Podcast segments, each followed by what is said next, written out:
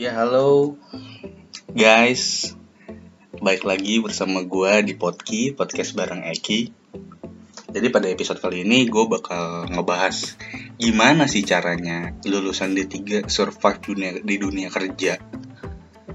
Karena ya gue salah satu lulusan D3 dan saat gue kuliah D3 tuh gue ngerasa kayak dipandang sebelah mata sama teman-teman gue kayak lu kalau D3 doang ya lu lulus mau jadi apa gitu kayak ya cuman kan gak semua orang mampu gitu.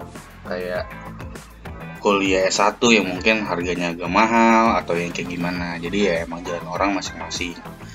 Jadi di sini gue mau berbagi pengalaman sih. Kayak gue yang kerja dengan memperkenalkan ijazah D3 gue di perusahaan swasta. Gimana sih eh, asam garamnya?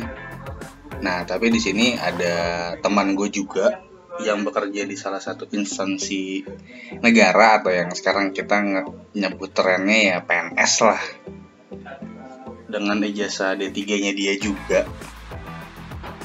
Nah, jadi kita bakal ngobrol-ngobrol di sini. Nah, saat ini gue udah terhubung sama temen gue nih. Agak jauh memang sekarang lokasinya, tapi semoga aja sinyalnya tetap bisa mengantarkan pengalaman dan ilmu buat kita. Halo Nan. Ya, halo. Aman Nan? Gak susah sinyal kan di sana? Aman, di home sini. Yo, ya di home. Ya, jadi Nanda nih temen kuliah gue nih. Ya, gue di jurusan komunikasi, Nanda di akuntansi. Nah, sekarang Nanda nih kerja di salah satu instansi keuangan ya, Nana? Iya. Nah, jadi di sini kita mau sharing-sharing sih, Nan. Buat kita nih cuma lulusan D3 nih, Nan. Yang kalau kawin gelarnya malu kalau ditulisin. ya kan? Jelek banget gitu misalnya Eki AMD. Alfonsena AMD anjing udah kayak ini apa namanya VGA laptop anjing AMD jadi gimana kan lu kan sekarang alhamdulillah udah jadi PNS ya nenek. Nah, gue mau tanya sih, kayak lu saat lulus nih Nan, buat mutusin jadi PNS, apakah emang langsung pokoknya gue mau lulus, gue maunya jadi PNS doang, gue gak mau kerja di mana-mana lagi? Apa kayak gimana sih Nan? Oh, enggak Ki. Gue awal lulus sempet jadi pengangguran dan sempet banyak apply di perusahaan-perusahaan. Oke, Gak kepikiran lah pengen jadi PNS malahan. awalnya. Karena Iya, kepikiran. latar belakang orang tua lu tuh PNS bukan sih? Bukan ada Nan? Bukan. Bokap gue pegawai swasta. Oke, berarti emang gak ada track record ya. Kadang kan yang cek, kayak keluarganya PNS, kamu nanti lulus jadi PNS aja ya kan biasanya ada stigma-stigma kayak gitu kan. Ah, Berarti lu emang gak ada gambaran gitu lah ya Nan. gak ada. Oke, terus gimana tuh? Lu sempat ngeplay ngeplay, terus lu sempat kerja. Sebelum PNS lu sempat kerja nan di perusahaan swasta gitu. Di mana tuh? di Toyota. Mm-mm. Toyota. Nah itu juga nggak nggak bukan dibilang kerja sih, magang doang sih gue di situ. Oh internship. Mm-mm. Oke. Nah terus gimana tuh? Dengan gaji apa? Di kan Toyota bukan perusahaan kecil juga lah ya bisa kita bilang ada namanya lah ya. Wah iyalah. Iya. Gimana tuh pengalaman lo di Toyota? Kayak gua bertanya-tanya sih kayak lu dapet Toyota tapi lu masih mau jadi PNS gitu loh. Iya sih. Eh pengalamannya asik sih ya. Gue dapet ilmu banyak banget di situ tentunya. Nah emang dari awal kan emang gue niatnya tuh pengen nyari ilmu dulu gitu. Oke, emang lu nyari pengalaman lah ya awal ya. Pengalaman nyari ilmu. Karena gue sadar dengan waktu kuliah gue yang gue bisa dibilang main-main lah yang penting lulus doang. Parah lu nan, lu kuliah nggak bener sih. Lu juga Oh, aku juga ya. Oh, iya juga. Lupa kita teman sepermainan. sama kita. Cuma Oke. lu hoki lu belum lulus sudah kerja duluan. Antara hoki sama cerdas emang beda tipis sih nan. Iya sih Iya. iya benar benar Oke, oke. Lu memutuskan mencari pengalaman di Toyota. Oke, terus? sebenarnya juga bukan gue sih yang memutuskan tapi ibu gue yang nyuruh waktu itu Oke, berarti lu ini Toyota ini channel dari keluarga kah? Apa gimana? enggak itu eh, pak di gue ya pak di gue datang Hmm, ngasih tahu dia juga kayaknya asal-asalan sih itu ngasih taunya Hmm, oke, cuman Bilang, biasanya orang-orang tua suka nyebar-nyebar ini ya, lowongan gitu ya. Di grup-grup WhatsApp keluarga tuh biasanya tuh. gue tuh nggak percaya awalnya iya sih, gue juga nggak pernah gue ikutin sih. tapi pas gue cek beneran ada Oh betul ada. Oke, berarti dia nggak bercanda nih om lu nan. enggak Oke. gue situ akhirnya Hmm. alhamdulillah Toyota mau nerima gue Oke. Berarti lu saat itu benefit lu internship dong ya Nan ya? Ya kayak karyawan biasa ya. enggak UMR ada Nan saat itu. UMR Jakarta tuh berapa sih Gue lupa Nan, kayak 3637 kali ya dulu 2017 kali saat kita lulus. iya paling waktu itu sih gue dapetnya 3,2 lah total Oke, tapi lu emang nggak begitu matokin benefit lah karena kan kayak ini first experience lu gitu ya Nan ya? iya Oke, terus? pengalaman sih Hmm. nah terus selang jalan sebulan di Toyota itu nyokap Hmm. dapat info tuh ada rekrutmen PNS CPNS itu sebutannya CPNS bukan sih? Ya CPNS Oke. nah di situ gua awalnya juga males sebenarnya nggak niat juga Ah, tapi nyokap udah bilang ya udah ikutin aja kali aja rezeki ya kan hmm. dan gue akhirnya mau ikut nyoba daftar di CPNS itu Nah, daftar CPNS tuh ribet gak sih, Nan? Gua pribadi kan kayak ya gue mungkin pernah kayak buka gitu ya kayak CPNS kayak gue sempet ngeliat sih kan kelihatan tuh ya di webnya kayak posisi-posisi apa sih kayak lulusan misalnya ada tiga komunikasi dibukanya di kementerian ini sebagai ini ya kayak gitu kayak gitu kan ya iya nah pada saat itu memang pas lu buka website emang ada yang ngerasa lu cocok nih dengan skill lu gitu ya atau dengan yang lu bisa apa gimana tuh Nan? jadi kan waktu itu kan pas lagi tahun 2017 tuh lagi banyak banget rekrutmennya. Penerimanya tuh lagi banyak banget Ki di situ. Oke, nah itu gue nyari yang sesuai dengan ijazah gue lah. Mm ijazah gue akuntansi.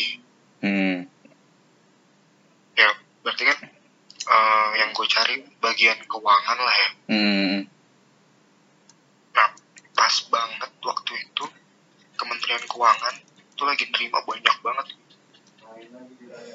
include lulusan D3 nan. D3 iya Oke. lagi justru banyak malah D3 waktu angkatan gue Waktu itu, itu lo inget gak bulan apa sih? 2017 bulan apa sih? itu bulan November kalau nggak salah ya Oke, terus berarti lo ngeplay di Kementerian Keuangan. Kementerian Keuangan Pilih Nah, posisinya apa tuh nan?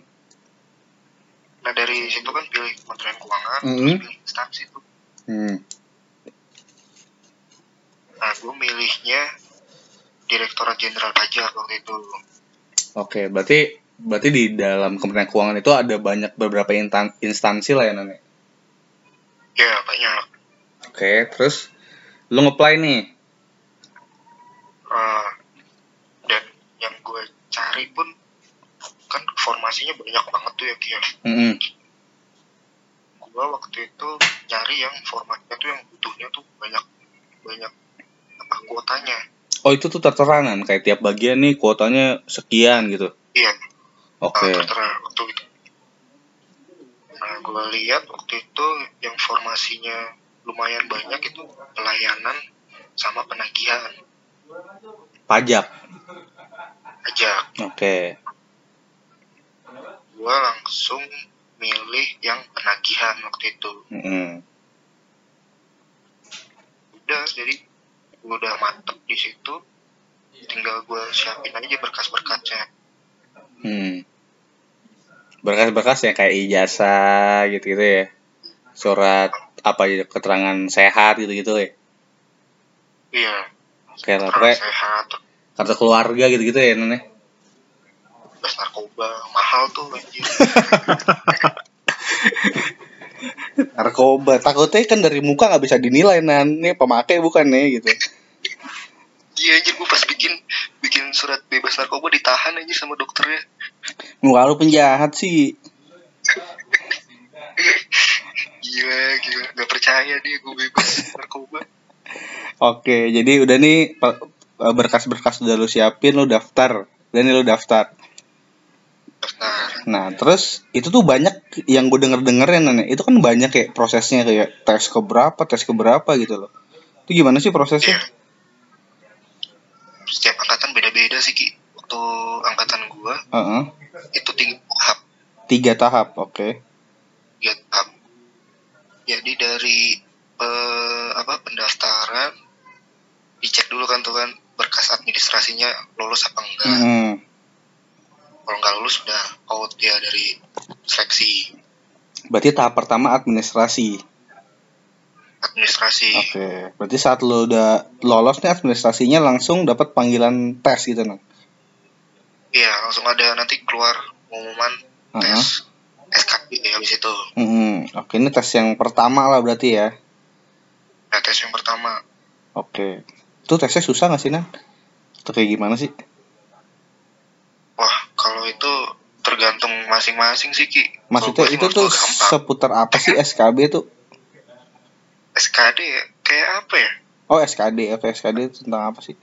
SKD itu kayak deret aritmatika kayak gitu-gitu lah Ilmu pengetahuan dasar gitu kali ya. ah yang kayak gitu lagi Oke. Itu su- itu tuh berapa lama lu kasih waktu? wah lupa gua Ada dua jam. dua jam ada kayaknya dua jam itu Oke, berarti saat itu lu tes nih. Nah, pas lu kelar tes tuh lu yakin gak sih dengan jawaban lu? nah itu ki jadi kan waktu kita tes SKD tuh Heeh. disediain kertas kosong ya itu buat Ah. kayak ngitung-ngitung ngitung-ngitung yang matematika gitu lah Ah, ah. nah gue ngelihat kanan kiri gue tuh Hmm. full ki kertas kosongnya tuh Aji gue ngerasain terakhir kayak gitu UN anjing.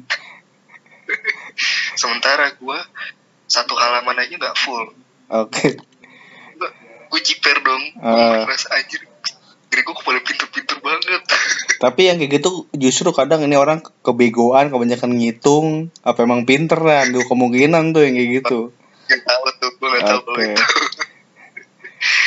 Oke, terus nah udah eh di situ kan kalau nggak salah kurang setengah jam ya. Gue ngelihat temen gue udah kelar. Hmm, gue ngerasa tertantang dong wah temen gue udah kelar nih. Langsung tuh kayak adrenalin nih anjing gue belum selesai lagi. Iya. gue ngerasa tertantang nih. Ah. Gua harus kelar. Nih. Udah. Bentar.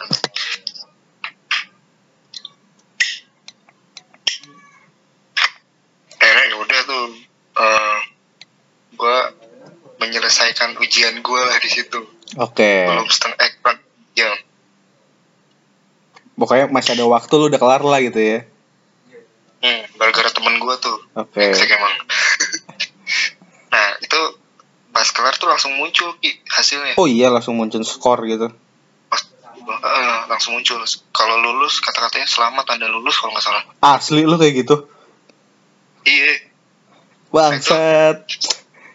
gue kan apa yang ngerjainnya juga sebisa gue ya waktu itu ya. Mm-mm. Gue pas muncul kata-kata selamat anda lulus, gue langsung kayak naruh pulpen gue tuh kenceng Hmm. ke biar kanan kiri gue ngeliat. Yo, selebrasi, selebrasi. Dalam hati gue mampus nih lo lihat ya gue lulus. Terus temen lu yang duluan itu lulus gak?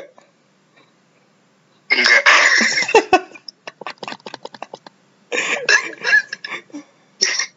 Anjing emang yang, suka cepet-cepet tuh. Gue sekarang rasanya ini orang antara gak tahu emang apa enggak pinter anjing. Cuman kayaknya 80% tuh yang bego gitu udah nggak tahu lagi. Iya. Oke berarti kalau saat lu submit lu dapat keterangan selamat anda lulus berarti lu otomatis ke tes selanjutnya apa gimana? Eh, kalau itu simpulkan langsung lanjut ke tes yang selanjutnya. Oke. Oke lah. Lu karena gini. Gimana tuh? Eh itu kan waktu tes pertama itu kan pasti kan nyaring orang ya? Iya pasti. Pengurangan terbanyak lah biasanya kalau tes pertama ya. Itu dihitungnya tuh dari kuota dikali tiga. Mm-mm. taruhlah kuota yang gue daftarin waktu itu tuh kuotanya tuh 300 Mm-mm. berarti kan kali tiga berarti yang dibutuhin 900 saya buat ke tahap selanjutnya? Tahap selanjutnya. Oke. Nah yang di tahap satu itu yang lulus itu cuma 150 kalau nggak salah. Buset. Jadi kan di bawah kuota ya jadi udah iya iya, gue iya. udah pede aja oh, otomatis lah ya gitu gitu. Berarti lu beruntung angkatan lu agak bego-bego sih nan. Ya nggak tahu juga gue gue mau bilang gitu. Anjir oke berarti habis itu lu lanjut nih ke tahap selanjutnya. Ya lanjut. Nah lu apa tuh? Lanjut lanjut setelah SKD apa tuh? Tahap duanya waktu itu gue psikotes. Oh psikotes. Itu sama gak sih sama psikotes kantor-kantoran gitu nan hmm, ya sama aja sih kayaknya sama aja ya sama Oke. aja Nah itu psikotes juga sama tuh saat lu selesaiin langsung keluar hasilnya. Anda lulus atau Oh, tidak lulus? Oh ini enggak. nunggu dulu nunggu ada waktunya Oke, selang minggu apa dua minggu gitu baru ada pengumuman oke. Berarti lu udah kelar tes kedua lu nunggu pengumuman nih. Heeh. Itu di web pengumumannya nan. Kayak SNPTN Iya, di zaman dulu. Iya kan? Kayak Iya, kalau zaman dulu S- SNPTN kalau di warnet nih anjing nih warnanya hijau apa merah nih. Kalau merah maaf gitu kan anjing. gue merah anjir. Sama gue juga. Brengsek emang SNMPTN padahal dulu gue milih jurusannya UIN kan UIN komunikasi penyiaran Islam. Jadi ustad gue kalau jadi tuh yo iya anjing. Eki siap Jidan siap. Cie anjing orang waktu dong goblok. Goblok. Udah nih lu udah nih dapat hari H pengumuman lu buka tuh. Terus sama tuh ke SNPTN selamat. Berarti lu yang ini dapat tulisan selamat lagi? Enggak ini udah nama-nama yang lulus oh doang udah langsung kumpulan yang lulus gitu. Heeh, dan itu pun nama-namanya sama kayak yang tes tahap satu. Semuanya jadi berarti ya Iya, oh ya karena kuotanya tadi ya yang lo jelasin. Di bawah kuota. Oke, berarti setelah itu apa lagi nan? Tahapannya nan? setelah itu tes kesehatan. Nah ini nih yang bikin ngeri. Tes kesehatan gitu. Maksudnya gimana tuh kalau lu punya penyakit panu gitu lo nggak boleh gawe gitu? Jadi PNS? ya itulah. Ya gue ngerasa waktu itu gue nggak sehat-sehat banget lah Emang nggak sehat, goblok. Lu ya batuk mulu kerjaannya. Kayak lu belum dites aja wah TBC nih anjing.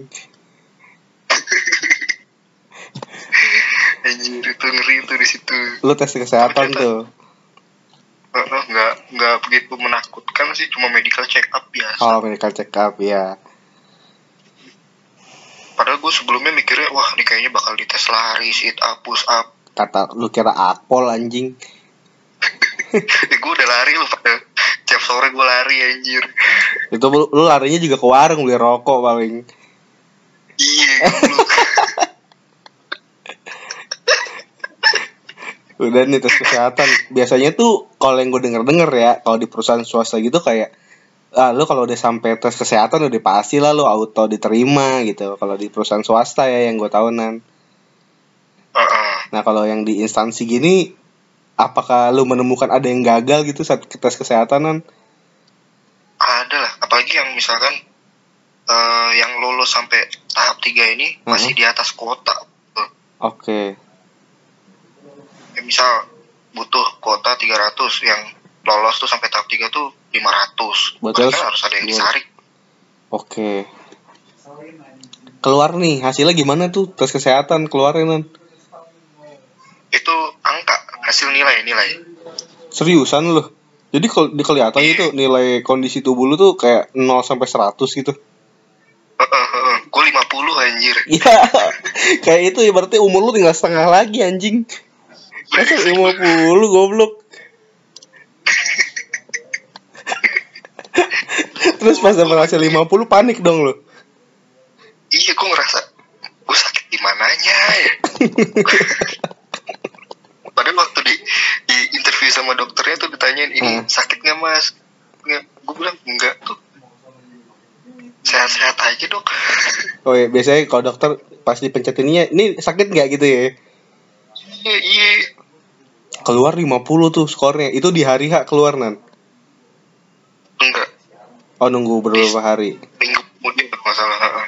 Keluar nih tes kesehatan nah. Nah, lu dapat skor tes kesehatan lu 50. Terus tahu lu lolos apa enggak aja gimana tuh nan? nanti ada pengumuman akhir itu semua eh, dari tahap 1 sampai tahap 3 di total Oke. Berarti ibaratnya kesehatan lo sebenarnya tidak menunjang lah ya. iya Berarti dua tes sebelumnya yang ngebantu lo lah. iya yang penting tahap satu sih yang paling utama itu Oke. Udah nih lu dapat pengumuman lu berhasil. Itu pas berhasil langsung langsung ada tulisan penempatan gitu apa gimana? Oh enggak Nggak ada. masih nggak jelas masih abu-abu lah Berarti berarti saat lu pengumuman lu berhasil lu belum tenang juga dong. belum Kayak ibaratnya senengnya kalau lu lu persenin berapa persen dan saat lu tahu lu lolos gitu. waktu lolos itu ya 80% lah Oke, oh, persen. Sip. Berarti lu 20% masih mengkhawatirkan penempatan lah. iya anjir Ya. Itu terus jangkanya sampai pengumuman penempatan lama tuh, Nan. nggak lama ki Berapa berapa hari tuh? Ber- berapa harinya gue lupa pokoknya kan itu mulai tesnya itu November ya Mm nah pengumuman penempatannya itu Desember -mm. berarti kan cuma dalam jangka waktu sebulan sebulan Oke. setengah lah Udah nih lu lu lu, lu, lu dapet nih pengumuman penempatan nih, Nan. Banyak juga kan tuh berarti semuanya ya. Mm-mm. Apa lah terus apa yang tercantum pada tulisan itu, Nan? nah itu kan eh, sebelum sebelum pengumuman itu gue sering nongkrong ya Mhm. bareng teman-teman SMA Mm mereka nanya tuh lu maunya penempatan di mana nan Oke. nah ini hati-hati nih ya hati-hati Hmm. omongan tuh doa Ya. gue bilang gue maunya kantor gue tuh deket sama pantai Oke. dah pas waktu itu gue inget pengumuman di waktu gue lagi nongkrong Hmm. lagi main PES gue Oke. Tiba-tiba ada SMS Hmm. Pengumuman udah keluar pengumuman penempatan Oke. itu jam 12 malam keluarnya tuh Hmm. gue lihat gue langsung lihat nama gue langsung gue search Hmm. muncul lah KPP Pratama Bitung Bitung. yang ada di pikiran yang ada di pikiran gue itu adalah Rangkas Bitung Oke, Rakas Bitung. Rakas Bitung tuh Kerawang ya? bukan Eh, itu Rakas Dengklok deh anjing, salah gua.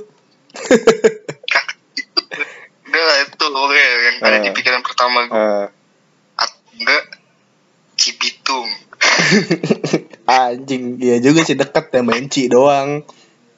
iya Iya. ya yang Terus? jeleknya tuh paling udahlah tuh Eh, nggak mikir Tapi lu nggak langsung searching tuh Bitung tuh di mana sih gitu. Iya lah, pas gue lihat agak scroll ke atas dikit, Heeh. itu ada tulis Kanwil DJP Sulawesi Utara, Tengah, Gorontalo, dan Maluku Utara. Jauh langsung, gue langsung mikir dong, Eh, ini Bit Rangkas Bitung kok ada di Sulawesi, anjir.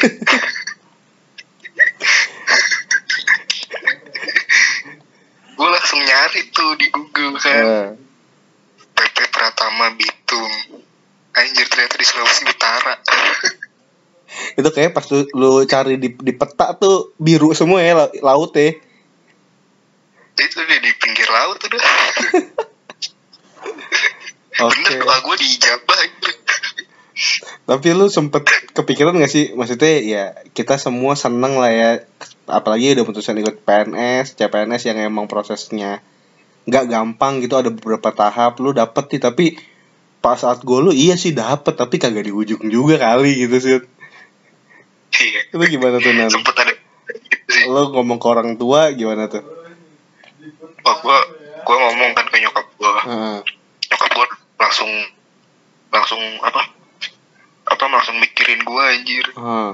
jauh banget tapi habis itu nyokap gue bilang ya mau gimana lagi udah udah apa udah tangan tangan di atas matre kan gue waktu itu Emang gak bisa mundur ya? Eh, eh, Heeh. ijazah gue juga ditahan deh Oh ijazah ditahanan kalau emang udah penerimaan penempatan gitu. iya ditahan iya ditahan oh, oh. Oke berarti oke deh paling buat pendengar-pendengar podcast nih kayak berarti kayak CPNS CPNS kayak enak lah kalau jadi PNS gitu ya kalau kata-kata orang-orang tua kita. Tapi gila ya prosesnya ya Nan ya. Berarti jauh banget sama gue nih Nan kalau lo mau tahu kayak gue nih. Gue inget banget gue apply kerja. Gue tuh emang gue mau kerja di perusahaan digital gitu kan Nan. Lu bayangin gue lagi di Sumarekon Bekasi coy lagi main gue kayak gimana sih kita habis-habis sidang ya kan gila udah mumet banget lu gue kerjanya main mulu udah pacaran gitu. Terus kayak cewek gue nyentil nih. Lu kerjaan lu main mulu lu kagak niat kerja gue digituin nan. Oke. Awalnya ya udah tuh gue bilang di mana ya? Nah gue waktu itu tuh gara-gara gue pertama kali nan belanja online di Tokped nan. Gue inget banget gue beli jaket jeans. Itu gue pertama kali gue beli jaket online. Saat itu gue udah udah di Tokped iya untungnya nyampe nih nan mungkin kalau saat itu nggak nyampe gue nggak bakal kerja di Tokped sih. Oke. Kayak gue mikir anjing keren banget ya. Cuman gini transfer kasih alamat nyampe sendiri. Gue kayak emes gitu. Kayak ya udah tuh gue cari-cari kerja kan karir Tokopedia. Keluar nih di websitenya. Kalau gue prosesnya tuh cepet banget kayak cuman gara-gara kecepatan itu sih emang gue rada-rada terjebak juga gitu kayak kan lo tahu gue kan komunik- komunikasi nih nan komunikasi gue lo tau lah kerjaan gue ngedit desain makan makanan gue lah gitu duit cuan-cuan gue dari kayak gawean kayak gitulah oh kan gue pernah jadi customer lo tuh waktu bikin desain Iya, sidang. gue dulu mungkin buat pendengar dulu gue jadi joki PPT, cuy buat sidang. Joki gue sama PPT. temen gue tuh setek Iya, cuman kalau joki PPT-nya teman-teman banget nih dibayar filter anjing.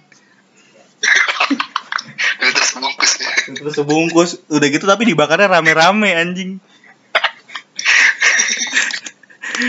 udah nih nan gue cari kan ada nih lowongan tulisannya sosial media intinya sosial media lah nan Heeh. katanya mampu mengerti requirementnya mampu mengerti tentang sosial media dan segala macem. Dalam mindset gua wah anjing gua bakal bikin konten nih buat Tokped di sosmed-sosmed nih. Kayak kampanye kampanye apa gitu kan. Gua apply itu nan kan. Terus gue bilang ke cewek gue lihat nih gue udah apply kerja gue gituin tuh. Gue nyimpen CV kebetulan gue nyimpen CV di handphone gue udah nih. Inget banget gue itu tuh pas baru banget gue nyampe mall abis itu gue nonton pas gue makan tuh dapat balasan email Hmm. selamat anda mendapat panggilan interview. Sama pertama kali interview. Wah gila gue liat, liat nih gue bangga gak sih gue pertama kali ngelamar kerjaan Bangga, bangga. Bangga lah langsung diterima. Eh tapi gue sebelumnya pernah juga ngelamar yang agak jeleneh gue ngelamar di rumah sakit anjing. Ngapain? Rumah sakit. gue sama sih korban keluarga juga tuh yang ngasih-ngasih lowongan kerja. Ya. Iya. Gue gua apply tuh. Jadi tuh jadi humas gitu nan. Gue akhirnya mau ngeplay gara-gara dekat rumah gue. Gue bilang anjing gue istirahat pulang nih enak nih gitu kan. Ya. Gitu. Udah nih gue tes. Gue bikin video gitu. Itu bener-bener gue banget lah yang gue tekunin di komunikasi. Cuman sama gue tuh niatnya iseng-iseng doang nan saat itu buat nungguin wisuda gitu kayak tiga bulan lagi yang kita dari sidang ke wisuda kan nunggu tiga bulan ya Oh, Biar ada- cerdas lu ya sebelum wisuda udah, udah kerja ya. Iya, cerdas sekali saya. Udah nih, tapi pas udah dapet nih, gue ngerasa bersalah nih anjing saingan saingan gue orang-orang tua nih. Gue mikirnya anjing nih punya anak kali punya tanggung jawab gitu ya. Terus yang kayak usernya tuh yang interview gue udah interest banget kayak yang emang tadinya kontrak tiga bulan, kamu mau nggak dikontrak langsung setahun? Gue dengan polos jawab nggak mau anjing. Kenapa? Soalnya nanti saya kalau mau kerja di tempat lain gimana pak? Gue jawab gitu. Wah, hebat. Sekali. udah tuh gue dari situ udah lah ya ada kata gue bego juga gue ya bego sama jujur beda tipis gue bilang udah nih makanya gue ngeplay di Tokped gue dapat panggilan gue kalau nggak salah itu gue ngeplay hari Selasa interviewnya hari Kamis nan. Oke. emailnya bahasa Inggris tuh. Gue jawab yes thank you for thank you for opportunity. I will be there. Gue bilang gitu anjing keren banget kan? Keren gue bingung nih nan. Gue gue jujur aja gue buta Jakarta nan. Lu tau lah gue rider sejati ke mana-mana naik motor ke mana-mana naik motor. Sama kita, Pak. iya gue bilang gue ke cewek gue gue nggak tahu nih alamatnya di mana. Sama yang yang kedua gue nggak punya duit nan. Anjing duit gue buat main mulu. Jadi gue minta cewek gue nganterin. Bener tuh gue naik kereta ke Tebet terus naik grab car anjing. Gue rapi banget tuh pakai kemeja. Lu tau lah setelan anak diploma. Pas gue nyampe nih kantor nih. Iya pas nyampe nih di kantor nih. Anjing gue bilang kok pada pakai kaos anjing gue salah kostum gue pakai pantopel bro gue pakai pantopel bro pantopel sidang lu bayangin untung gue nggak pakai jas kayak gue beneran pakai kemeja polos gitu anjing gue pakai pantopel gue bilang Buat ciri khas orang-orang nyari kerja ya. Iya, duduk nih gua nih Nan. Duduk kan, set. Ada nih. Ya duduk tunggu dulu ya. Isi absen gitu di laptop. Ketemu lah orang-orang. Sama cewek gua tuh. Tanya, "Oh, Mbak, ng- ngelamar di bagian apa ini?" Sosial media. Pas gua buka laptopnya lu tahu tulisannya apa? Customer care anjing. Oh, Gue pengen nanya, kok customer care ya? Saya pasang nge sosial media. Iya mas, ini tuh customer customer care so- sosial media. Ah, kata gue, udah nyampe sini gue bilang kan, ya udahlah, jalanin aja gitu kan. Iya, udah nih. Terus gue nanya nan, yang duduk-duduk di situ, oh sama ngapainnya kayak gue. Oh mbak, lu kuliah lulusan mana? Oh saya UI, anjing ngedon gak sih gue? Saya Unpad S1 S1 semua, Bro. oh, lu S1 berarti ya? Iya, terus ada juga yang kayak udah udah lulusan S1 udah pernah kerja juga nan. Kayak gua, iya anjing, ini mah ini mah gue jadi cadangan mati, ini mah dalam hati gue ya. Udah nih.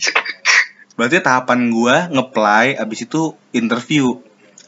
Interview itu di, di satu hari yang sama nan. Yang pertama, gue langsung dijelasin. Ini yang pertama FGD ya, Forum Group Discussion. Hmm, Jujur aja gue nggak ngerti sama sekali apaan ya FGD. hmm. udah nih masuk di ruangan tuh kalau nggak salah ada lima orang terus kayak yang ngetesnya itu mungkin HR-nya ya ngomong kayak oh kalian nanti diskusi aja di sini anggap aja saya nggak ada. Oh. kalian kalian saling diskusi aja di sini.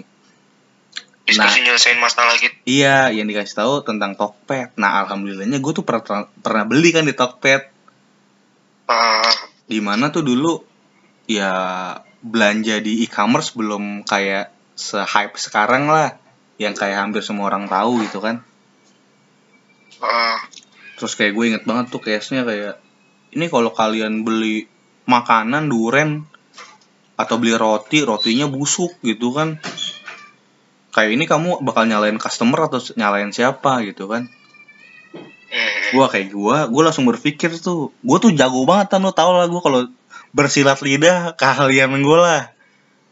Paham Iya saya kan? Kata gua wah ini mah gua makan nih gue bilang. Lu mau lulusan ITB juga gua hajar lu gue bilang. Kalau soal ngomong mah asal jangan nulis gitu kan.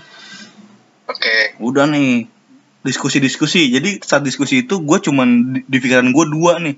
Gue tidak boleh memihak antara salah satu buyer atau seller sama gue tidak boleh menjatuhkan lawan diskusi gue gitu loh. Oke.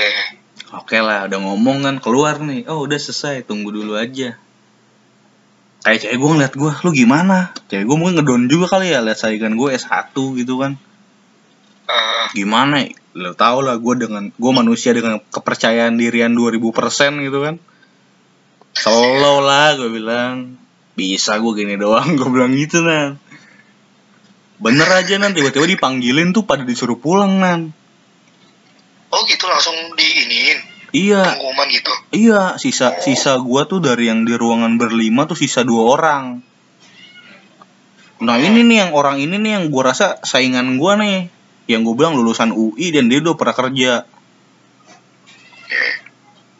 Dia duluan nih masuk nan. Gue liatin gue liatin aja tuh mukanya happy nggak ya gue liat ya? Soalnya itu interview user nan langsung. Di hari yang sama. Oh. Kayak pas dia keluar nih lama lah ada lah sejam. Mukanya berseri-seri anjing. Wah oh menurut iya kata gua, anjing mukanya berseri-seri lagi. Kata gue ya.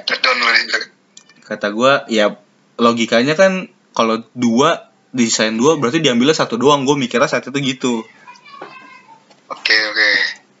Terus? Udah nih gue masuk kan ke ruangan. Der gue masuk nih. Ada nih cowok. Interview lah.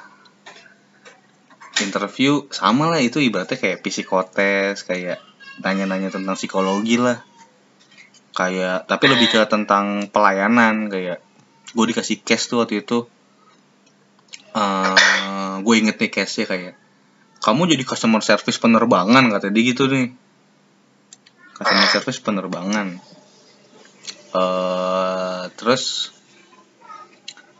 ada nih penumpang. Dia buru-buru. Eh dia buru-buru. Dia telat. Eh bukan telat pesawatnya delay. Oke. Maksudnya delay dan di situ kamu punya pilihan. Kamu bisa langsung refund atau kayak gimana dia kondisinya marah-marah. Tapi gue bilang kayak emang gue otak gue otak penjahat gitu ya otak penjilat gitu ya. Oh kalau kayak gitu saya nggak akan langsung nawarin refund mas gue bilang gitu. Pertama saya tenangin dulu dong karena dia lagi emosi gue bilang gitu saya tenangin dulu. Iya bagaimana bapak? Gimana ibu? Kebutuhannya kayak gimana? Iya jadi ada kendala gue bilang gitu. Tapi gue di situ gue bilang yang biasanya ada option tuh kayak oh jadi misalnya ibu emang butuh cepet-cepet atau bapak butuh cepet-cepet nah ini kita cari ini penerbangan yang terdekat. Kita bantu. Cuman mungkin kalau ada perbedaan harga ibu bersedia atau tidak merogoh kocek lebih besar gue bilang gitu Mm, atau kalau emang ibu nggak mau ibu kita bisa bantu refund full 100% gue bilang kayak gitu. Terus Oke. langsung yang interview gue langsung tepuk tangan. Gila lu berpikirnya keren banget. Iyalah dalam hati gue gua gitu kan.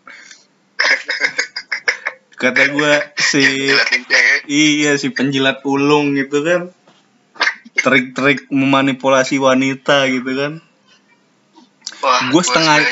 Iya, gue setengah jam doang nan. Ya sisanya pertanyaan template lah. Menurut lo kekurangan lo apa sih? Kelebihan lo apa sih? Mm, Gitu. Terus sama iya sama yang kayak lo kalau ini siap nggak? Lo siap nggak kerja shifting?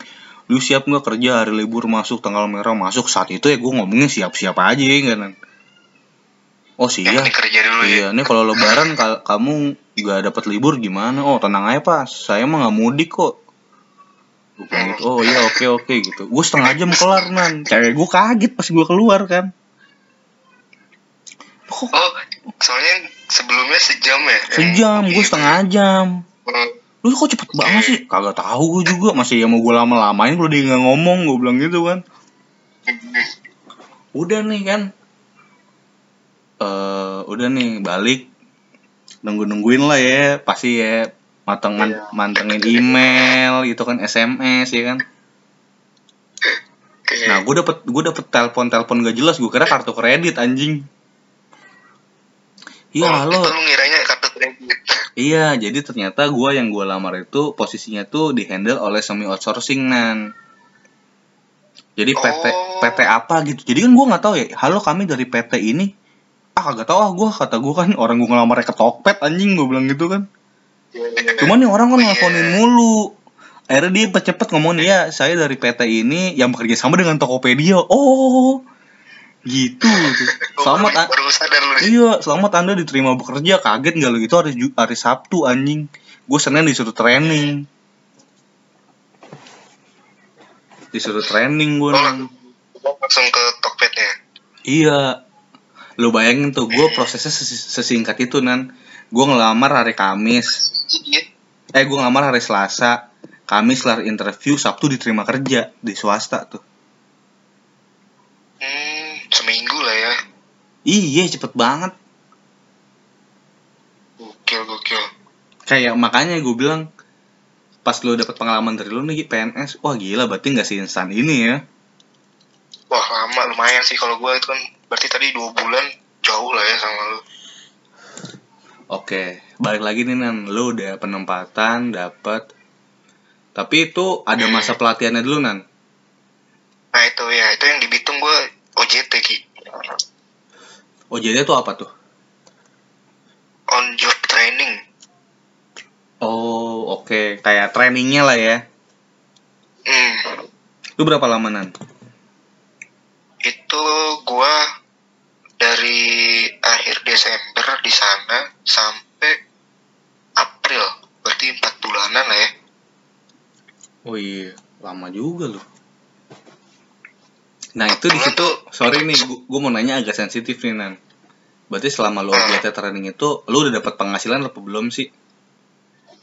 nah itu eh itulah gue ngerasain susahnya jadi CPNS tuh pas lagi OJT itu ki Karena gue pribadi tuh saat gue Senin bisa ke kantor ya buat persiapan training, gue tuh langsung digamblangin kayak surat nih isinya kayak kamu yang kamu dapat sekian, oh yang kamu dapat sekian, terus kontrak lu tuh, gue waktu itu kontrak gue tiga bulan dulu, kalau kamu bagus kamu akan diperpanjang lagi satu tahun gitu gue awal-awal.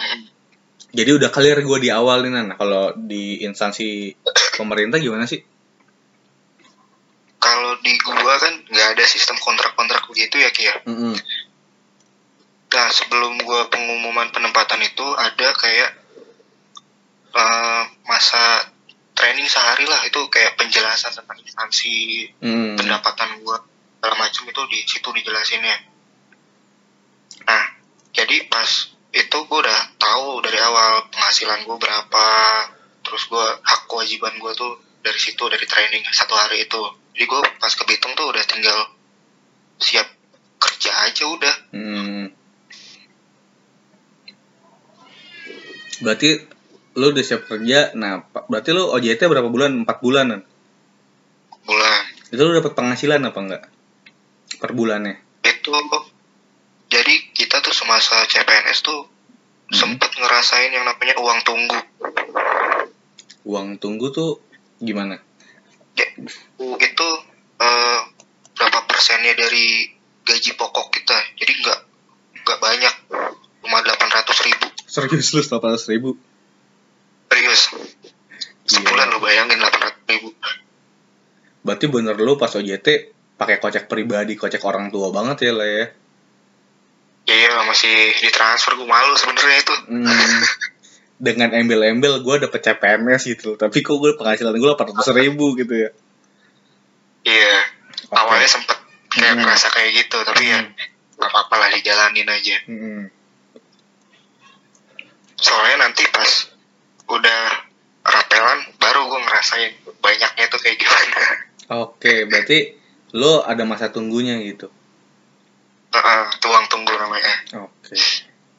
Jadi dari CPNS sampai lu diangkat jadi PNS tuh prosesnya berapa lama nan? itu setahun gitu jadi mas CPNS itu setahun Berarti setelah OJT 4 bulan itu ngapain? nah itu baru penempatan definitif nah itu baru gue dipindahin ke tahunan Berarti tahunnya itu lebih jauh dari Bitung ya Nan? ya? enggak juga sih cuma lebih arahnya tuh lebih ke utara aja Itu jauh bangsat. udah deket-deket Filipina lah Hmm. Ya, oke lah. Gue tau lah kita saat lu udah balik, kalau lu balik kita sempat sempat ngobrol, kita sempat sempat ketemu nongkrong nongkrong lah ya Nan, ya. iya Cuman mungkin buat yang pendengar pengen tahu nih kan kita nggak bahas nih gimana sih D3 bisa survive di dunia kerja. Nah, lu pas lu saat lu kerja, lu jadi PNS dengan lulusan lu yang D3, pasti di kantor lu nggak semuanya lulusan D3 ya, ya kan Nan? iya ada yang S1 Iya, nah itu lu ngerasain diskriminasi nggak sih? Atau lu ngerasa ada gap nggak sih Nan? Kayak pasti kan banyak sisi ya kayak perlakuannya beda lah atau posisinya yang S1 otomatis lebih tinggi lah atau secara penghasilan jauh lebih besar lah gitu nggak sih? enggak kar- eh, kalau di instansi gue Hmm. semua tuh berawal dari pelaksana ki Itu ibaratnya jabatan awal lah ya. iya itu pasti semua berawal dari pelaksana Itu D3 Cuma atau S1? bedanya- iya mau D3 mau S1 sama Oke. Cu- cuma yang membedakan kita itu hanya di golongan dan grade Berarti kalau S1 golongannya dan grade-nya otomatis lebih tinggi gitu. lebih tinggi Jauh nggak sih Nan bedanya Nan sama D3? eh kalau gua kan D3 itu golongan 2C Hmm. kalau untuk S1 itu dia 3A Berarti kalau Dan- kita bicara nominal nih Nan, bedanya kira-kira berapa persen sih Nan? Lo yang D3 sama yang grade S1? Eh, nominal apanya nih Kayak penghasilan. Berapa persen kayak misalnya yang S1 20% lebih besar penghasilannya daripada D3 gitu. Eh, kalau persen-persenan gue nggak tahu ki Tapi cuma dari, dari kabar-kabar gitu jauh apa enggak yang lo yang lo denger gitu. ya lumayan Lumayan, berarti ada gap di situ lah ya. Sama di ya gap di grade. Oke, terus Mm-mm. Tapi secara Terus- misalnya promosi kan berarti kan saat lo pelaksana berarti kan lo akan naik-naik lagi kan berjalannya waktu gitu. Dengan Iya, opportunity yang ada. Nah, itu apakah opportunity untuk lulusan D3 dan opportunity untuk lulusan S1 berbeda, Nan? beda beda ki kalau untuk S1 itu senior gua ada ya yang Hmm. lulusan S1 itu cuma setahun lah palingan dia udah promosi Oke. kalau yang D3 itu lumayan makan waktu dua tahunan lah paling cepat Oke. Tapi berarti m- merasa minder nggak atau merasa nyesel nggak saat itu? Anjing gue cuma D3 lagi. wah enggak lah sama aja kok Berarti nggak sejauh yang gap yang mungkin di benak orang-orang ya kayak ah S1 mau otomatis dapetnya puluhan juta yang D3 mah cuman berapa juta nggak kayak gitu ya nan berarti di lapangan ya? Enggak oke jadi berarti sama sih. Kalau gua di swasta gua nggak tahu ya swasta yang lain. Cuman kayak gue di perusahaan digital eh yang gua tangkap tuh di perusahaan swasta tuh kayak ya lu kalau mau dihargain lebih ya lu harus punya experience dulu gitu loh. Atau ya lu bisa ngasih impact apa sih ke perusahaan? Kalau gue mungkin lu dari lu lu udah dapet CPNS ya mungkin ya lu mindernya tarafnya kecil lah kayak ah gue udah PNS gitu. Karena kan kita mah belak belakan aja kayak di mata orang tua gitu. Kita laki-laki misalnya lu mau ngelamar anak perempuan kayak wah udah enak nih dijamin gitu kan. Calonnya PNS gitu kan. Stigma stigma kayak gitu kan masih ada bro.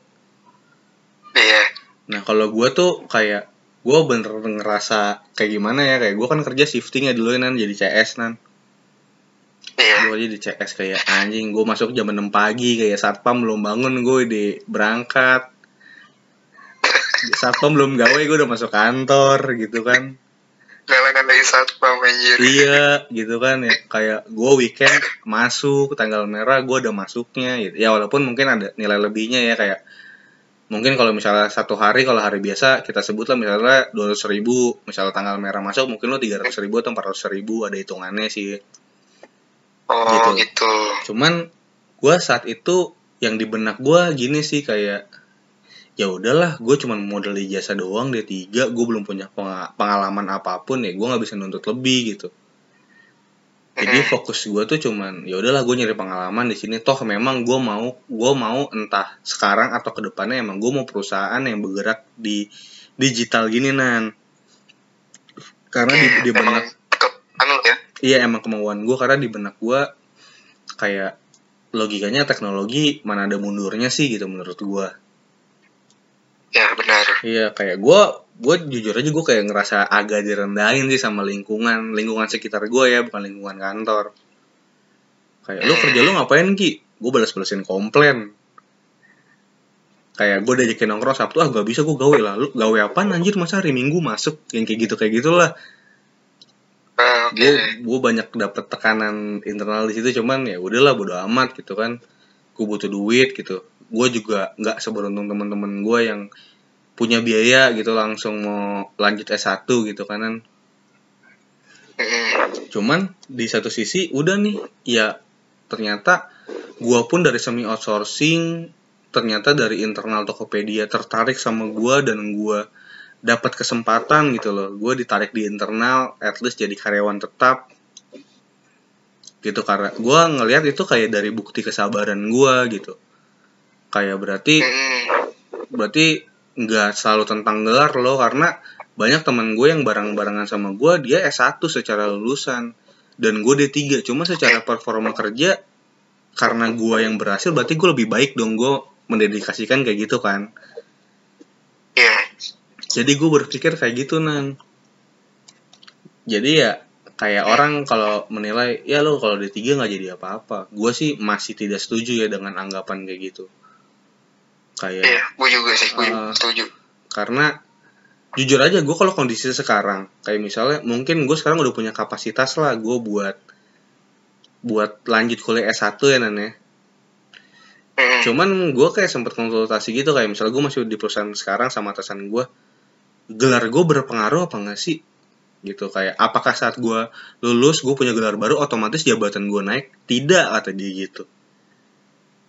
Itu di performa gue jadi mungkin kalau bertanya-tanya kenapa sih nggak langsung kuliah lagi ki? Atau kayak gimana? Ya karena gue belum menemukan reason gitu kayak saat misalnya gue lulus misalnya gue lanjut gue dapet gelar baru tapi gue kerjanya gue di sini doang gue nggak ada next plan jadi gue buat apa kuliah lagi gitu loh Nan. oke. Tapi kalau di instansi pemerintah saat lu misalnya lu kuliah lagi nih nan. Iya. Saat lu dapet gelar baru lu otomatis grade tuh naik gitu iya itu bisa naik ke 3A berarti di kondisi sekarang lu jadi lu jadi PNS udah berapa lama nan gue dua tahun sih dua tahun ya. Lu udah ada kepikiran buat kuliah lagi? Pasti ada lagi pasti ada itu. Pasti ada karena memang lu jelas ya karena kalau misalnya lu kuliah lagi lu dapat gelar lu otomatis akan menaikkan grade lu gitu ya Heeh, betul.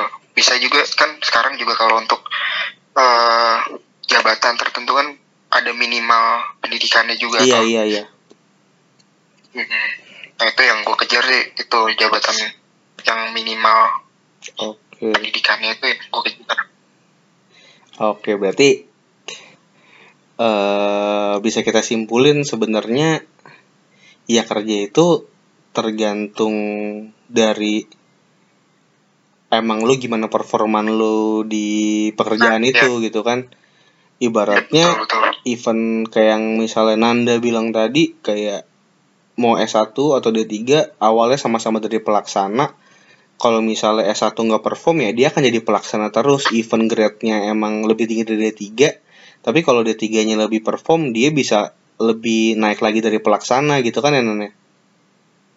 iya bisa dibilang gitu sih.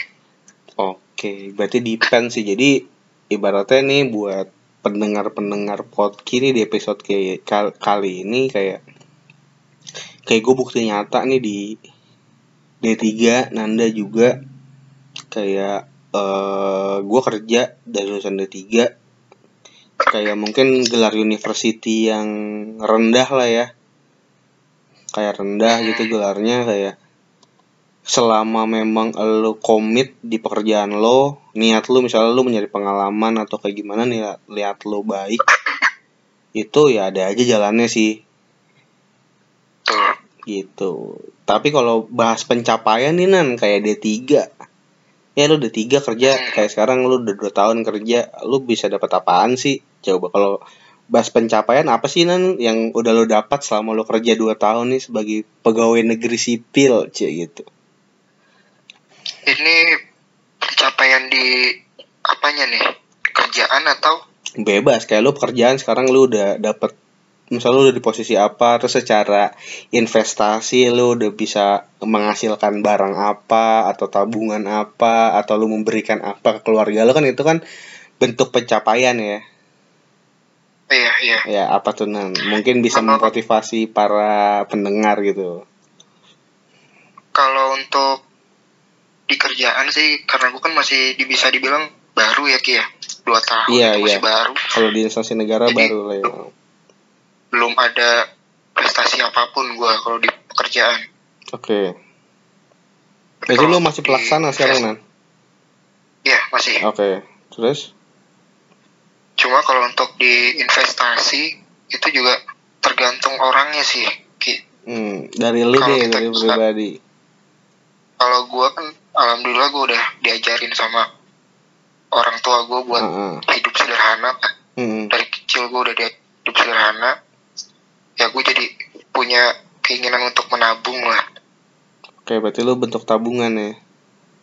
nabung heeh. jadi alhamdulillah udah punya beberapa investasi lah gue Berapa digit? 4 digit? Tabungan lu 3 digit? 2 digit? rahasia lagi Kayaknya tabungannya Bapak Nanda udah bisa beli rumah cash kayaknya.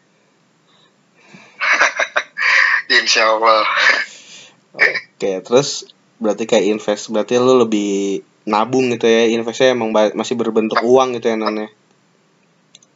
Eh, iya sih soalnya gue gue kan pengen kayak lu yang beli rumah Kenapa gua nih? milenial karena gue berpikir gue kerjanya masih di luar pulau iya. masih pindah-pindah juga kayak belum masih belum kepikiran buat punya rumah dulu Oke. tergantung nanti bini gue gimana gitu sih Anjir. Jadi Bapak Nanda udah target nikah umur berapa nih? Eh, dua tahun lagi lah insya Allah Amin, gua aminin Nan, slow. Thank you thank you Berarti gila luar biasa ya. Gue bangga sih jadi temen lu. Lu gak, sa- lu gak salah jadi ido- idola gue nan. ah saya lu Lu jadi idola gue emang dari dulu nan. Lalu lebih lebih yang yang punya rumah oke Jadi ya kayak mungkin kayak kita berdua mungkin bukti kecil lah kayak gue yakin kok kayak banyak mungkin cerita-cerita yang bahkan lulusan SD aja bisa gila gitu prestasinya kan. Gimana dari effort kayak kita masing-masing gitu. Kayak gue dulu atau kayak Nanda kayak gue sering diremehkan atau yang kayak gimana. Tapi ya ya udah karena gue tidak bisa memaksakan memang kemampuan gue atau eh, dari latar belakang biaya gue cuman bisa sampai di gelar ini saat ini gitu loh tapi ya gue dengan semua yang udah gue punya gitu kan ya udah gue akan terus bergerak maju dengan apa yang sudah dibekali gitu tanpa harus mengutuk ah kenapa sih gue kagak dia satuin dulu? Atau kenapa sih gue kok nggak punya biaya? Atau kayak gini gue sama sekali tidak pernah menyesali itu. Gue cuman fokus aja gue cuman fokus kayak ya alhamdulillah lah kayak lo bilang kayak gue mungkin dari pencapaian ya gue investasi gue beli gue udah gue udah nyicil rumah gitu kan. Kayak ya itu kan mungkin suatu bentuk pencapaian ya. Kayak mungkin buat kayak secara tidak langsung kayak buat ngebuktiin nih omongan-omongan orang dulu yang sering remeh-remehin gua gitu kan. Kayak lu nih dulu kebanyakan nyinyir gitu. Satu nyinyir gue terus berkembang. Di sinilah gue sekarang gitu kan kayak ya udah jadi eh jangan pernah sih ngeremehin orang entah dari gelarnya ya dari pesan yang bisa gue ambil. Karena semua orang tuh punya kesempatan yang sama gitu sebenarnya. Tapi gimana cara pribadi masing-masing menyikapi peluang-peluang itu aja sih. Gitu oke sih mungkin dari bapak Nanda ada pesan-pesan nggak nih buat pendengar gitu kan. Buat orang-orang yang kayak lulusan D3 yang mungkin eh merasa pekerjaan gue aduh gue belum settle nih atau belum nemu atau merasa masih insecure banget ah gue cuma D3 atau buat yang eh, adik-adik yang kayak masih kuliah D3 nih yang buat lulus dan dia masih berpikir gue nanti kalau lulus gue bisa kerja dia jadi apa ya? Ada nggak pesan-pesan dari lu nan Eh, kalau buat adik-adik yang masih kuliah sekarang ya apalagi D3 santai aja sih rezeki udah ada yang ngatur ya tinggal lu nya aja mau eh, apa mau berusaha apa enggak itu aja sih Oke, jadi kalau dari gua sama sih kayak eh rezeki emang udah ada yang ngatur. Jangan sia-siain potensi lu gitu. Terus ya lu jangan sering mengutuk diri lu sendiri karena semua itu ada porsinya sih. Ya gimana kita berusahanya gimana gimana kita effort kita gimana sih buat berkembang. Nah, itu insya Allah sih hasil ya akan ngikutin sih. Gitu. D3 nggak buruk tenang aja Iya, betul. Gitu. Kadang ya gimana ya? Kalau di beda sekarang ah gue dulu D3 gue pernah interview S2 kok gitu kan.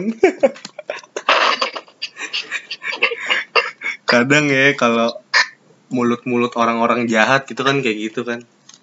Pasti apalagi dari keluarga kayak oh udah mau lulus. Kok cepat banget lulusnya? Iya D3 oh D3 doang. Mulut-mulut kayak gitu tuh mulut-mulut bajingan.